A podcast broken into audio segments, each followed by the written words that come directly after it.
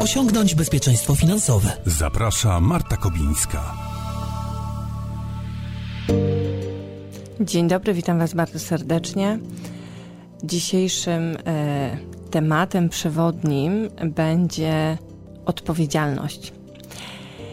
Bo bardzo ważnym elementem, co więcej, powiedziałabym nawet, że niezbędnym elementem budowania bezpieczeństwa finansowego jest wzmacnianie samoświadomości. Samoświadomość, o czym wspomniałam Wam w poprzedniej y, audycji, to znajomość swoich schematów postępowania, rozpoznawania swoich emocji, życie w zgodzie ze, ze swoimi wartościami oraz jeszcze kilka innych czynników. Nie uda nam się jej jednak rozwinąć bez wzięcia na siebie odpowiedzialności za siebie i oczywiście za swoją sytuację finansową. O tym będę Wam dzisiaj mówić. Zapraszam.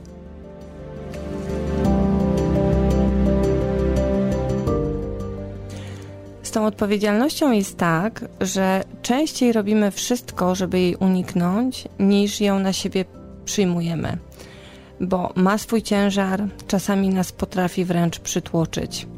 Jednak bez niej nie ma mowy o poczuciu spełnienia i dobrostanie finansowym oraz każdym innym. Nie ma szczęścia bez poczucia sprawczości, a nie ma poczucia sprawczości bez wzięcia na siebie odpowiedzialności. Ot i cała prawda. W Polsce mamy bardzo dużo zaszłości historycznych, które ukształtowały nas w ten, a nie inny sposób. Niemałą rolę odegrał oczywiście komunizm.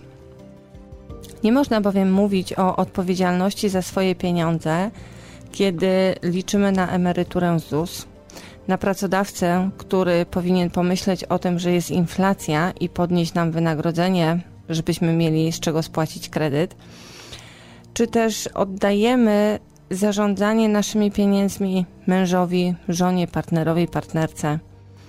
I myślę, że to jest właściwe spojrzenie. Nie da się bowiem wymazać setek lat historii, która nas kulturowo ukształtowała. Jeżeli ktoś cały czas podejmuje za nas decyzje, to trudno, żeby nie korelowało to z poczuciem odpowiedzialności.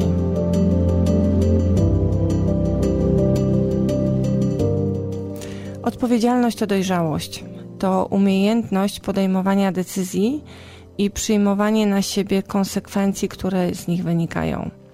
Jeżeli wydajemy więcej niż zarabiamy, to konsekwencją będzie rosnące zadłużenie, z którego spłatą możemy sobie nie poradzić, jeżeli na przykład stracimy pracę.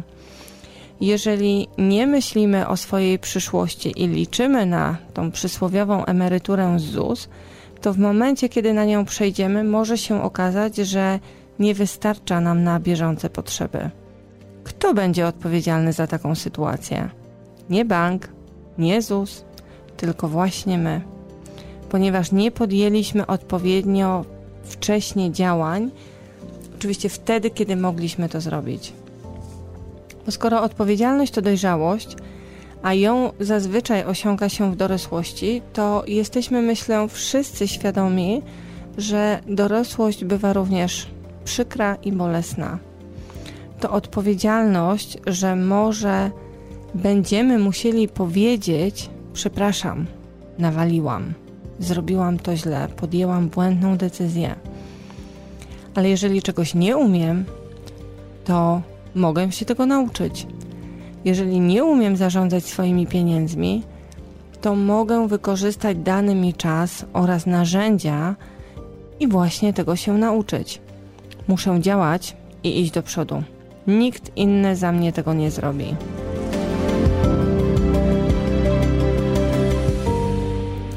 Jesteśmy, niestety jesteśmy w stanie zrobić bardzo wiele, żeby uniknąć odpowiedzialności. Bo jeżeli pomyślę o emeryturze i o tym, jaka będzie niewielka w stosunku do obecnych zarobków, no to będę musiała podjąć decyzję, że powinnam zadbać o dodatkowe środki, albo dobre ubezpieczenie, albo o program emerytalny i tak dalej. Czyli co? Będę musiała wykonać jakieś działanie, żeby nie popaść w biedę. Na no, kobiety niestety są e, dużo częściej narażone i dużo bardziej narażone na biedę w okresie emerytalnym niż mężczyźni i to pokazują badania. Czy lepiej więc nie myśleć o emeryturze, czy wziąć na siebie odpowiedzialność za swoje życie i za swoje pieniądze, tak, aby będąc już na niej, móc godnie żyć? Decyzja oczywiście zależy od każdego z nas. Tylko nie zrzucajmy potem odpowiedzialności na dzieci, które powinny nas utrzymać, lub państwo, że powinno nam dopłacić. Jeżeli nie podejmiemy działań tu i teraz, to będzie to bardzo bolesna konsekwencja naszych obecnych decyzji.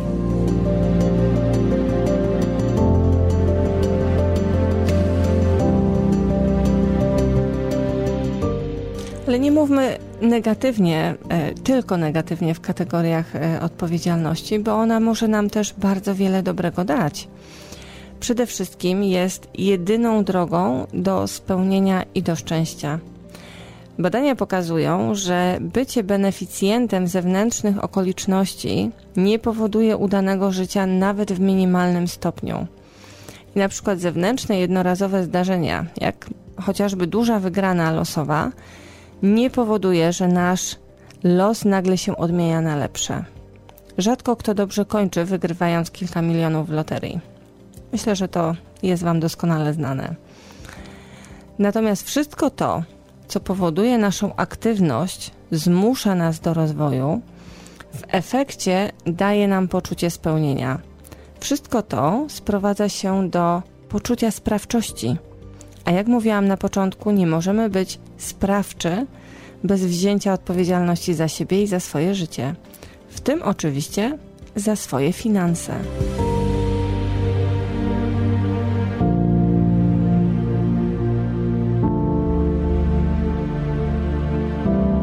Podsumowując,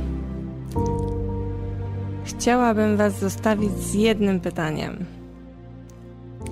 Czy zgadzasz się, żeby Twoimi pieniędzmi rządziły osoby trzecie, czy jednak wolisz decydować o nich i mieć nad nimi kontrolę? Do usłyszenia za tydzień, Marta Kobińska. Osiągnąć bezpieczeństwo finansowe. Zaprasza Marta Kobińska.